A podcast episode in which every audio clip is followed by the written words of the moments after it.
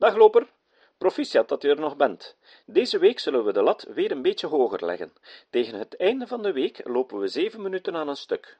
Vandaag gaan we drie keer vijf minuten lopen. Eén keer drie minuten en twee minuten. We zijn nu wel al genoeg getraind dat we die één minuut lopen niet meer nodig hebben. Hè. We beginnen dus onmiddellijk met twee minuten lopen.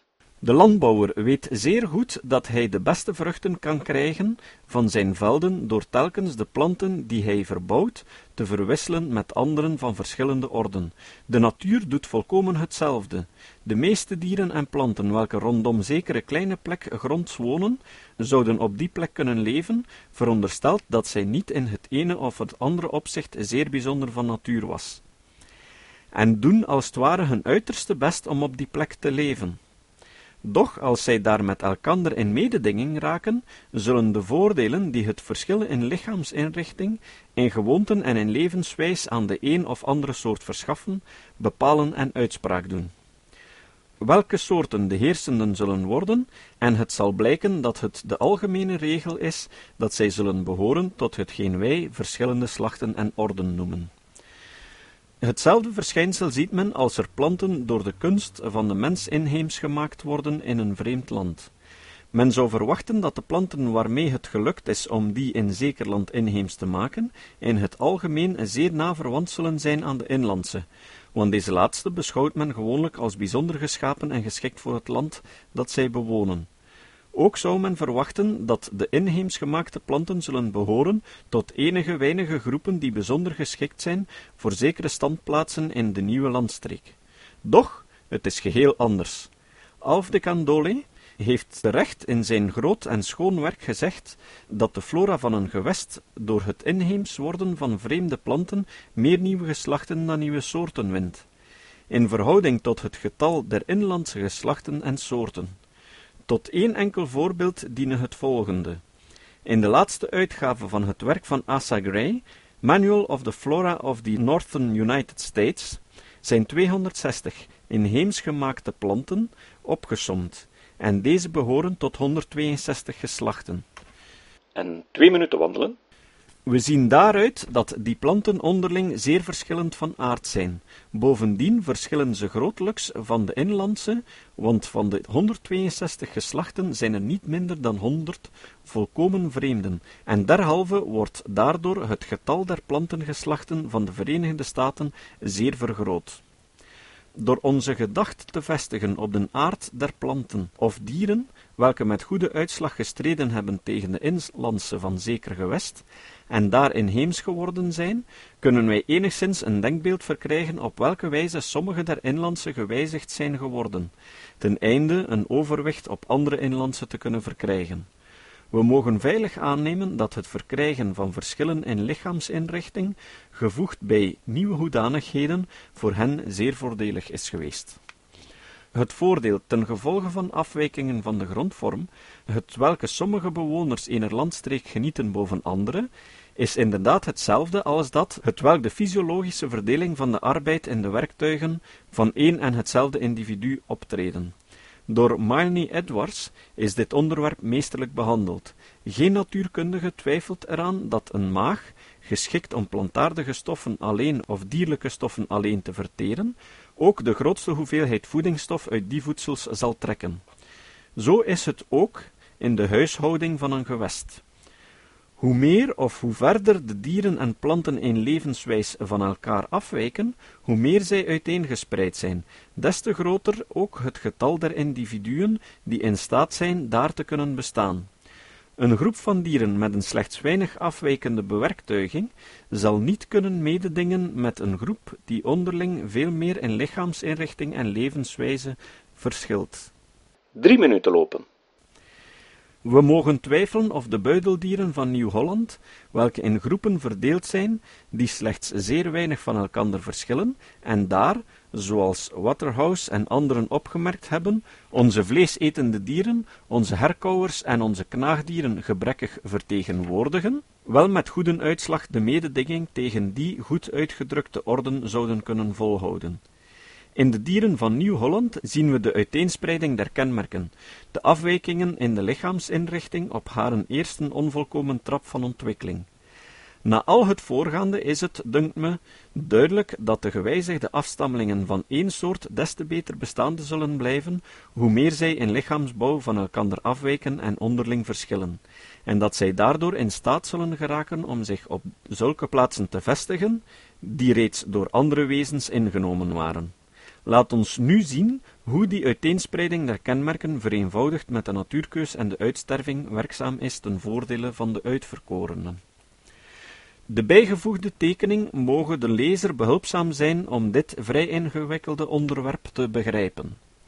Deze tekening kan u vinden op de website darwin.surf.to. De letters A tot L stellen een soort voor van een groot geslacht in het gewest waarin het thuis hoort.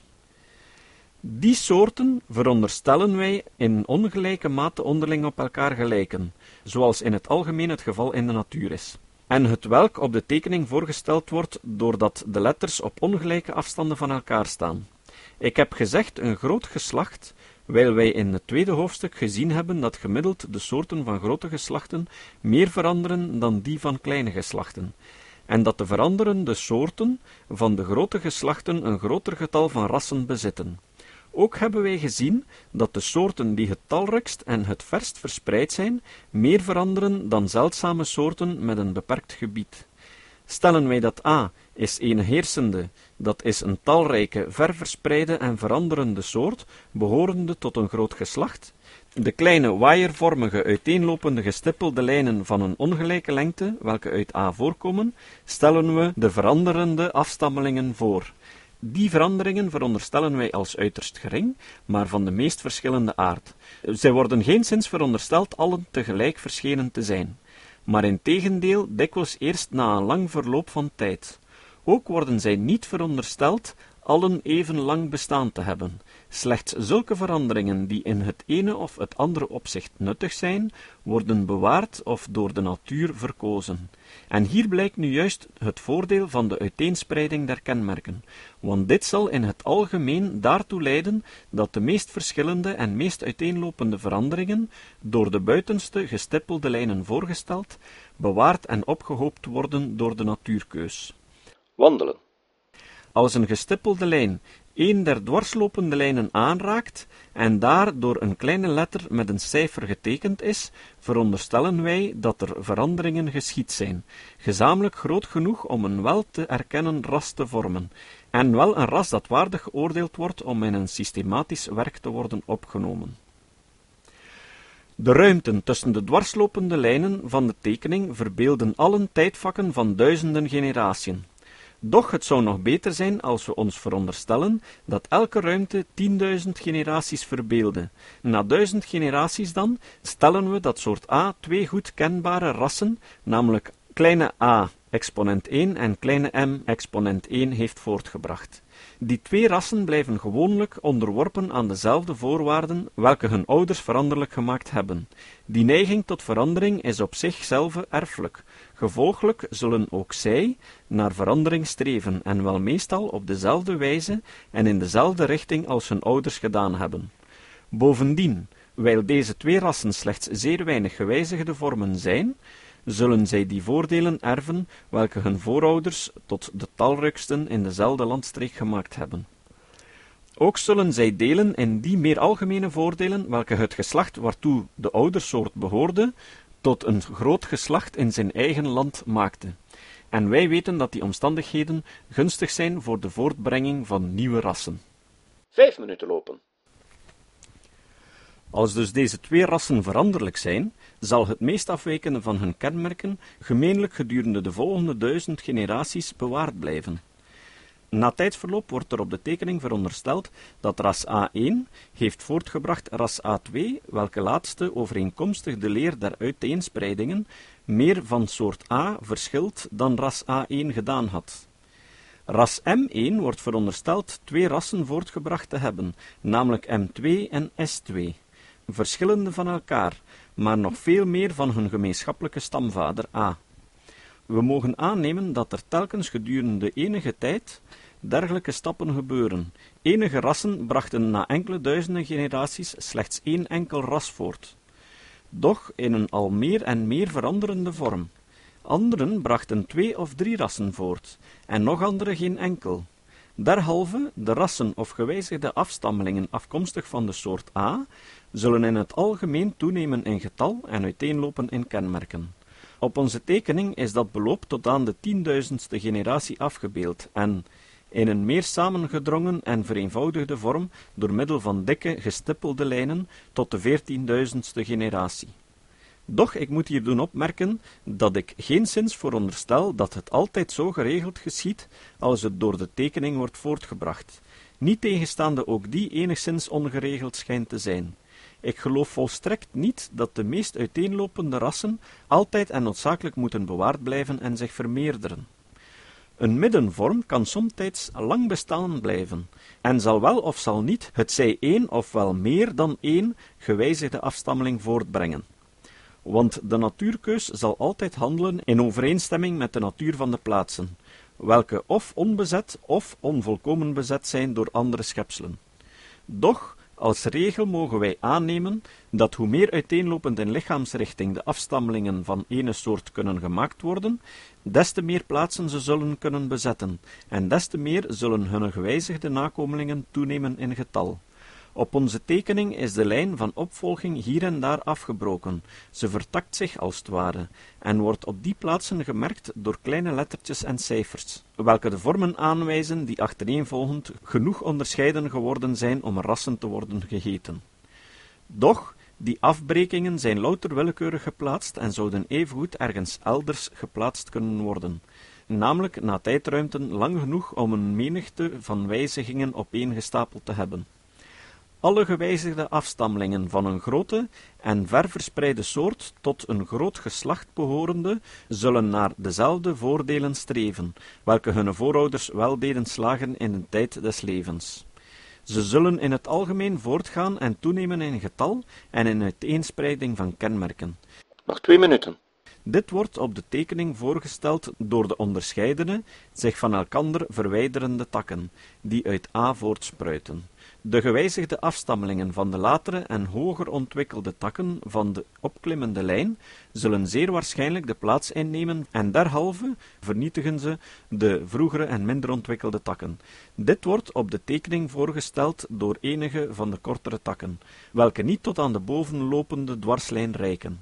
Ik geloof dat in sommige gevallen de wijzigingen bepaald zullen worden tot één enkel opklimmende tak en het getal der afstammelingen zal niet toenemen, ofschoon de som der uiteenlopende wijzigingen in de volgende generaties vergroot geworden is.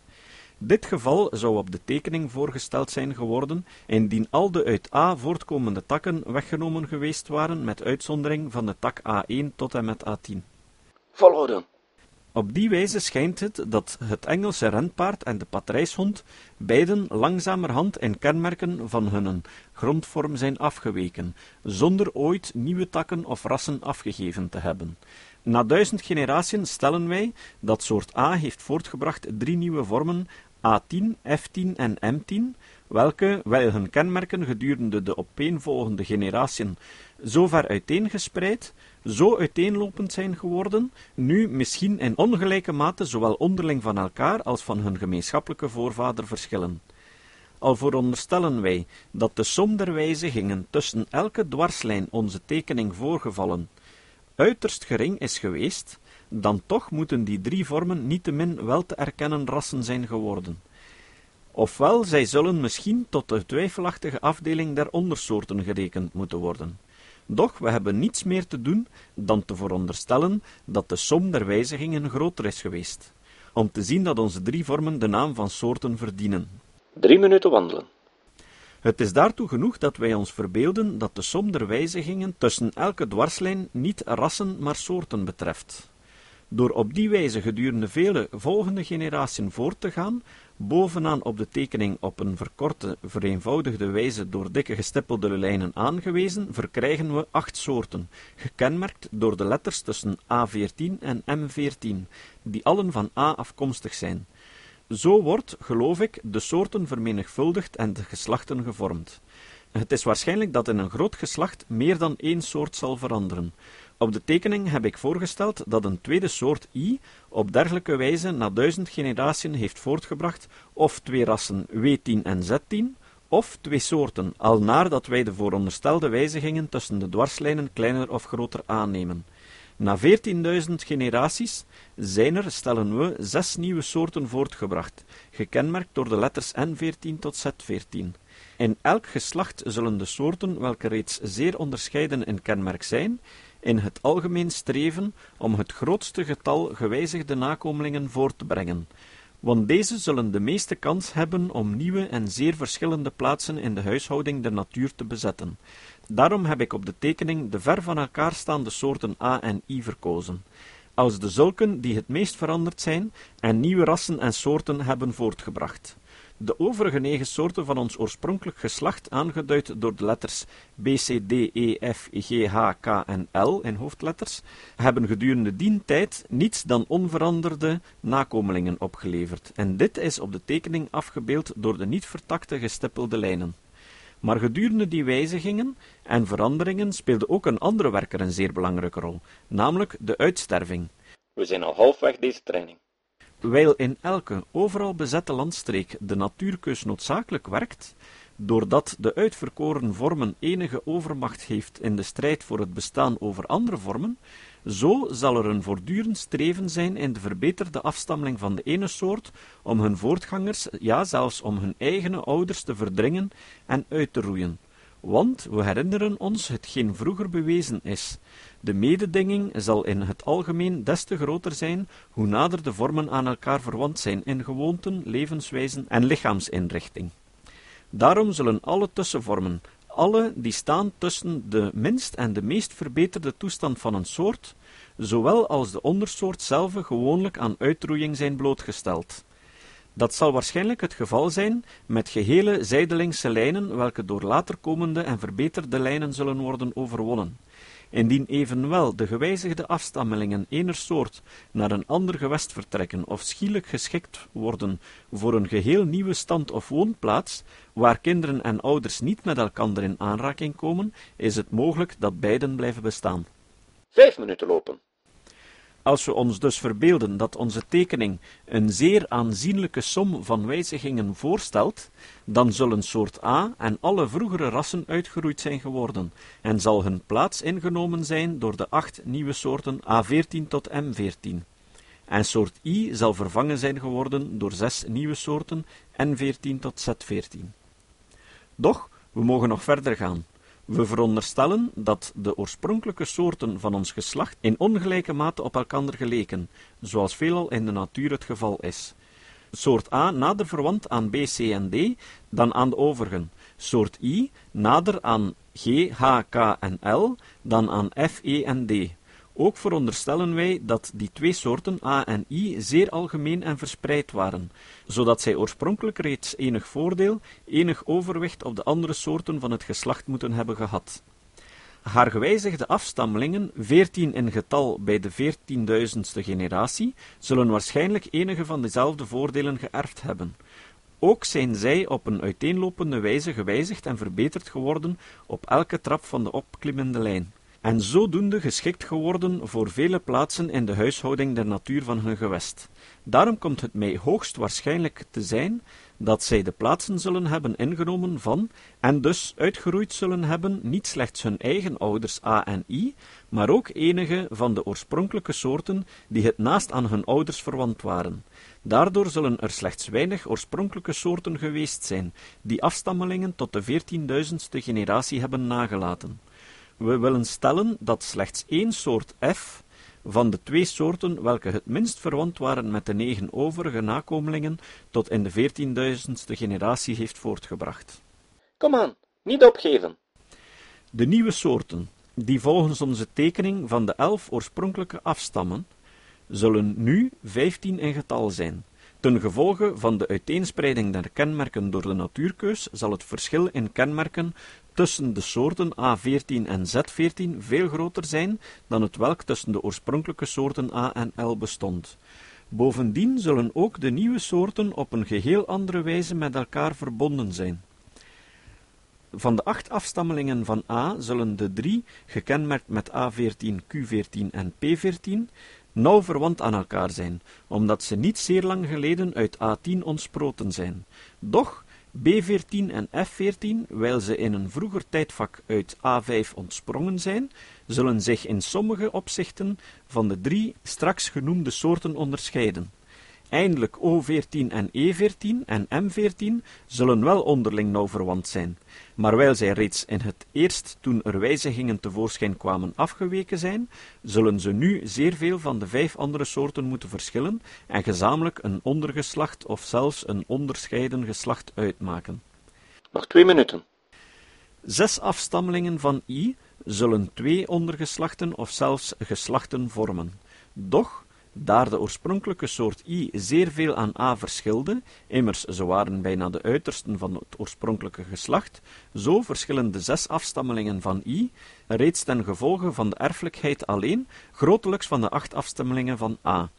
Ook zijn bovendien de twee groepen in verschillende richtingen uiteengeweken. De tussensoorten, en dit is een zeer belangrijk punt in onze beschouwing, welke de oorspronkelijke soorten A en I met elkander verbonden, zijn allen behalve F uitgestorven en hebben geen nakomelingen achtergelaten. Daarom moeten de zes nieuwe soorten van I afkomstig en de acht die van A afstammen, als zeer onderscheidene geslachten, ja zelfs onderfamiliën beschouwd worden. Op die wijze geloof ik dat er twee of meer geslachten door opklimmende en uiteenlopende wijzigingen zijn voortgekomen uit twee of meer soorten van hetzelfde geslacht en die twee of meer moedersoorten zijn afkomstig van één soort van een vroeger geslacht. Dat is onderaan op onze tekening aangewezen door de afgebroken lijnen beneden de hoofdletters, die allen van onder naar elkaar lopen en naar één punt wijzen. En dat punt stelt één enkele soort voor. De vooronderstelde enkelvoudige oorsprong van onze verschillende nieuwe ondergeslachten en geslachten. Vestigen we nu onze aandacht op de kenmerken van de nieuwe soort F14 welke verondersteld wordt niet veel in kenmerk afgeweken te zijn, maar de vorm van f onveranderd of tenminste zeer weinig veranderd behouden te hebben. Drie minuten wandelen. In dit geval zullen haar kenmerken tot de andere veertien nieuwe soorten zeer zonderling en samengesteld zijn. Wijl ze afstamt van een vorm die tussen de twee moedersoorten A en I stond, welke nu verondersteld worden uitgestorven en onbekend te zijn, zal ze in zekere opzichten staan tussen de twee groepen welke van die soorten afkomstig zijn.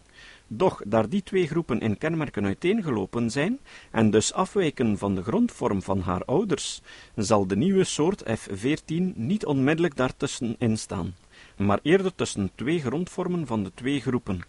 Elk natuurkundige zal zich zulke gevallen kunnen voorstellen. We hebben tot hiertoe steeds verondersteld dat de dwarslijnen der tekening een duizendtal generatiën voorstelt. Doch elke ruimte tussen die lijnen kan evengoed een miljoen of honderd miljoen generaties voorstellen.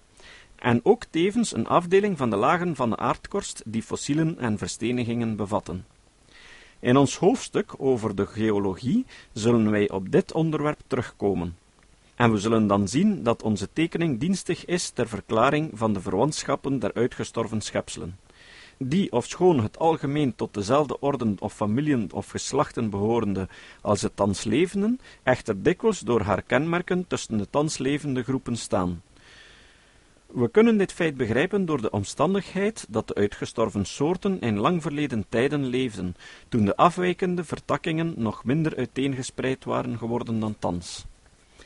Ik zie geen enkele reden waarom we de voortgang der wijzigingen, zoals we die hierboven beschouwd hebben, zouden moeten beperken tot de vormen van geslachten alleen.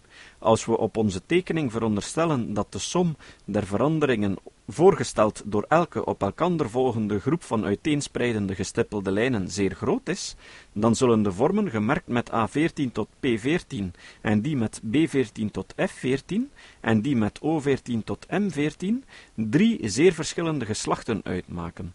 We zullen ook twee zeer onderscheidene geslachten hebben, die van I afkomstig zijn, en daar deze twee geslachten, zowel door aanhoudende uiteenspreiding der kenmerken als door de erfelijkheid, zeer veel verschillen zullen van de drie geslachten welke van A afkomstig zijn, zo zullen de twee kleinere groepen van geslachten twee onderscheidene familien of zelfs twee ordenen vormen. En de twee nieuwe familien of ordenen zullen afkomstig zijn van twee soorten van het oorspronkelijke geslacht. En die twee soorten zijn afstammelingen van ene soort van een nog ouder onbekend geslacht. Vijf minuten lopen. We hebben gezien dat het in elke landstreek de soorten der grote geslachten zijn die de meeste rassen of wordende soorten opleveren. En dit was te verwachten, want als de natuurkeus zich vooral vestigt op ene vorm die enig voordeel bezit boven andere vormen in de strijd des levens, dan spreekt het vanzelf dat ze zich vooral zal bepalen tot zulke vormen die reeds enig voordeel bezitten, en de uitgebreidheid van een groep bewijst dat haar soort in het algemeen het ene of andere voordeel van haar gemeenschappelijke ouders geërfd hebben. Derhalve zal de strijd om nieuwe en gewijzigde nakomelingen voor te brengen voornamelijk gevoerd worden tussen de grotere groepen, welke allen in getal trachten toe te nemen. De ene grote groep zal langzamerhand een andere grote groep overwinnen, in getal doen verminderen en haar derhalve de mogelijkheid tot verdere verandering en verbetering meer en meer benemen.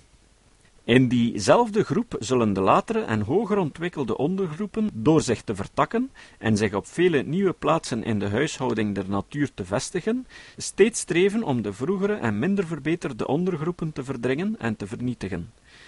Kleine en verbrokkelde groepen en ondergroepen zullen uiteindelijk verdwijnen. We mogen voorspellen voor de toekomst dat die groepen van bewerktuigde wezens, welke nu groot zijn en anderen overwinnen en het minst verbrokkeld zijn, dat is, die tot heden het minst uitgegroeid zijn, nog lange tijd aaneen zullen volhouden met zich uit te breiden en te vermeerderen. Doch welke groepen er ten laatste zullen overblijven, kan geen mens voorzeggen. We weten dat ook vele grote groepen, die voorheen ten hoogste ontwikkeld waren, toch uitgestorven zijn.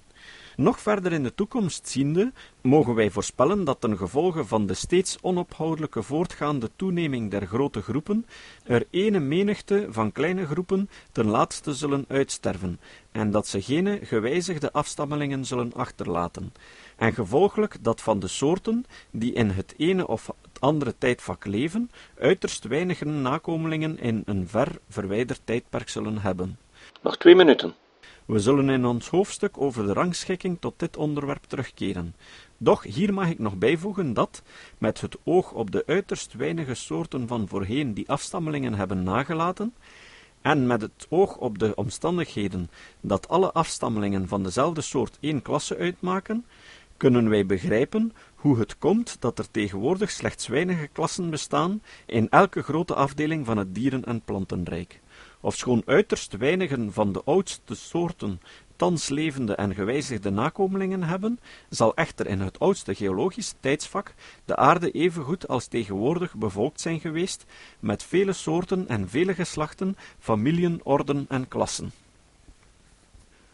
Overzicht van dit hoofdstuk als gedurende de lange loop der eeuwen en onder de verschillende levensvoorwaarden de bewerktuigde wezens geheel en al veranderlijk in de onderscheidene delen hunner bewerktuiging, en dit kan niet ontkend en betwijfeld worden, als er ten gevolge van de wiskundige toeneming in getal van elke soort een hevige levensstrijd gestreden wordt in zekere leeftijd of in zekere jaargetijden, en ook dit kan niet ontkend of betwijfeld worden, als wij nagaan hoe oneindig samengesteld de betrekkingen en verhoudingen aller bewerktuigde wezens tot elkander en tot de voorwaarden van hun bestaan zijn, als wij nadenken hoe dit laatste een oneindige verscheidenheid veroorzaakt in lichaamsrichting, gewoonten en levensgewijs, die ten voordele is van de betreffende schepselen, dan dunkt mij zou het wel zeer verwonderlijk zijn indien nooit een verandering ten voordele van het schepsel had gestrekt op dezelfde wijze als we zien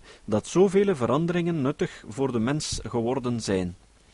Nog één minuut. Doch, als er veranderingen geschieden die voor enig schepsel nuttig zijn, dan zullen voorzeker de individuen welke het voordeel genieten, de meeste kans hebben om in de strijd voor het bestaan behouden te blijven, en ten gevolge van de erfelijkheid zullen zij ongetwijfeld nakomelingen voortbrengen, die eveneens bevoordeligd zijn. Dit grondbeginsel van behoudenis heb ik kortheidswege de natuurkeus genoemd. Ze leidt tot de verbetering, dat is veredeling van elk schepsel, in betrekking tot zijn bewerktuigde en onbewerktuigde levenswaarden. De natuurkeus kan, wijl de eigenschappen geërfd worden op een bepaalde leeftijd, het ei of het zaad of de jongen even gemakkelijk wijzigen als de volwassenen. Onder vele dieren zal de seksuele keus de natuurkeus te hulp komen, om te maken dat de krachtigste en meest geschikte mannetjes het grootste getal jongen zullen voortbrengen. Ook zal de seksuele keus aan de mannelijke individuen alleen bijzondere kenmerken geven, die hen van nut zijn in hun strijd tegen andere mannetjes. Proficiat, nog twee minuten wandelen en het is alweer afgelopen voor vandaag dat de natuurkus waarlijk zo in de natuur gewerkt heeft, dat ze namelijk de verschillende vormen des levens gewijzigd en geschikt gemaakt heeft voor de verschillende voorwaarden en woonplaatsen, blijkt uit de algemene verhouding der wezens, die wij in de volgende hoofdstukken zullen behandelen. Doch hoe zij ook tevens de uitsterving bewerkt, en hoe krachtig de uitsterving in de geschiedenis der aarde heeft ingegrepen, wordt ons door de geologie krachtig bewezen. Ook leidt de natuurkeus tot uiteenspreiding der kenmerken. Er zullen des te meer levende schepselen binnen zekere omtrek bestaan. Hoe meer zij uiteenlopen in lichaamsrichting, gewoonten en levenswijs, waarvan wij het bewijs zien in de bewoners van een kleine plek of in schepselen die ergens inheems zijn gemaakt, daarom, hoe meer gewijzigd en uiteenlopend de wezens die van de ene of de andere soort afstammen, worden, des te groter zal hun kans op overwinning zijn in de strijd des levens. Daardoor trachten de geringe verschillen, die de rassen derzelfde soort onderscheiden, steeds groter te worden, totdat ze gelijk worden aan de grotere verschillen tussen de soorten van hetzelfde geslacht, of zelfs van onderscheidene geslachten. We hebben gezien dat de gemene, de wijdverbreide en de verrijkende tot de grootste geslachten behoorende soorten zijn, welke het meest veranderen, en dat deze aan haar gewijzigde afstammelingen die voordelen trachten over te dragen, welke haar tot de heersende soorten in haar eigen gewest maken. Natuurkeus leidt, gelijk wij zo even gezien hebben, tot de uiteenspreiding der kenmerken en tot het uitsterven van de minder verbrede vormen. Zo, het is alweer gedaan. Gefeliciteerd. Morgen rustdag en overmorgen verleggen we de lat weer een beetje.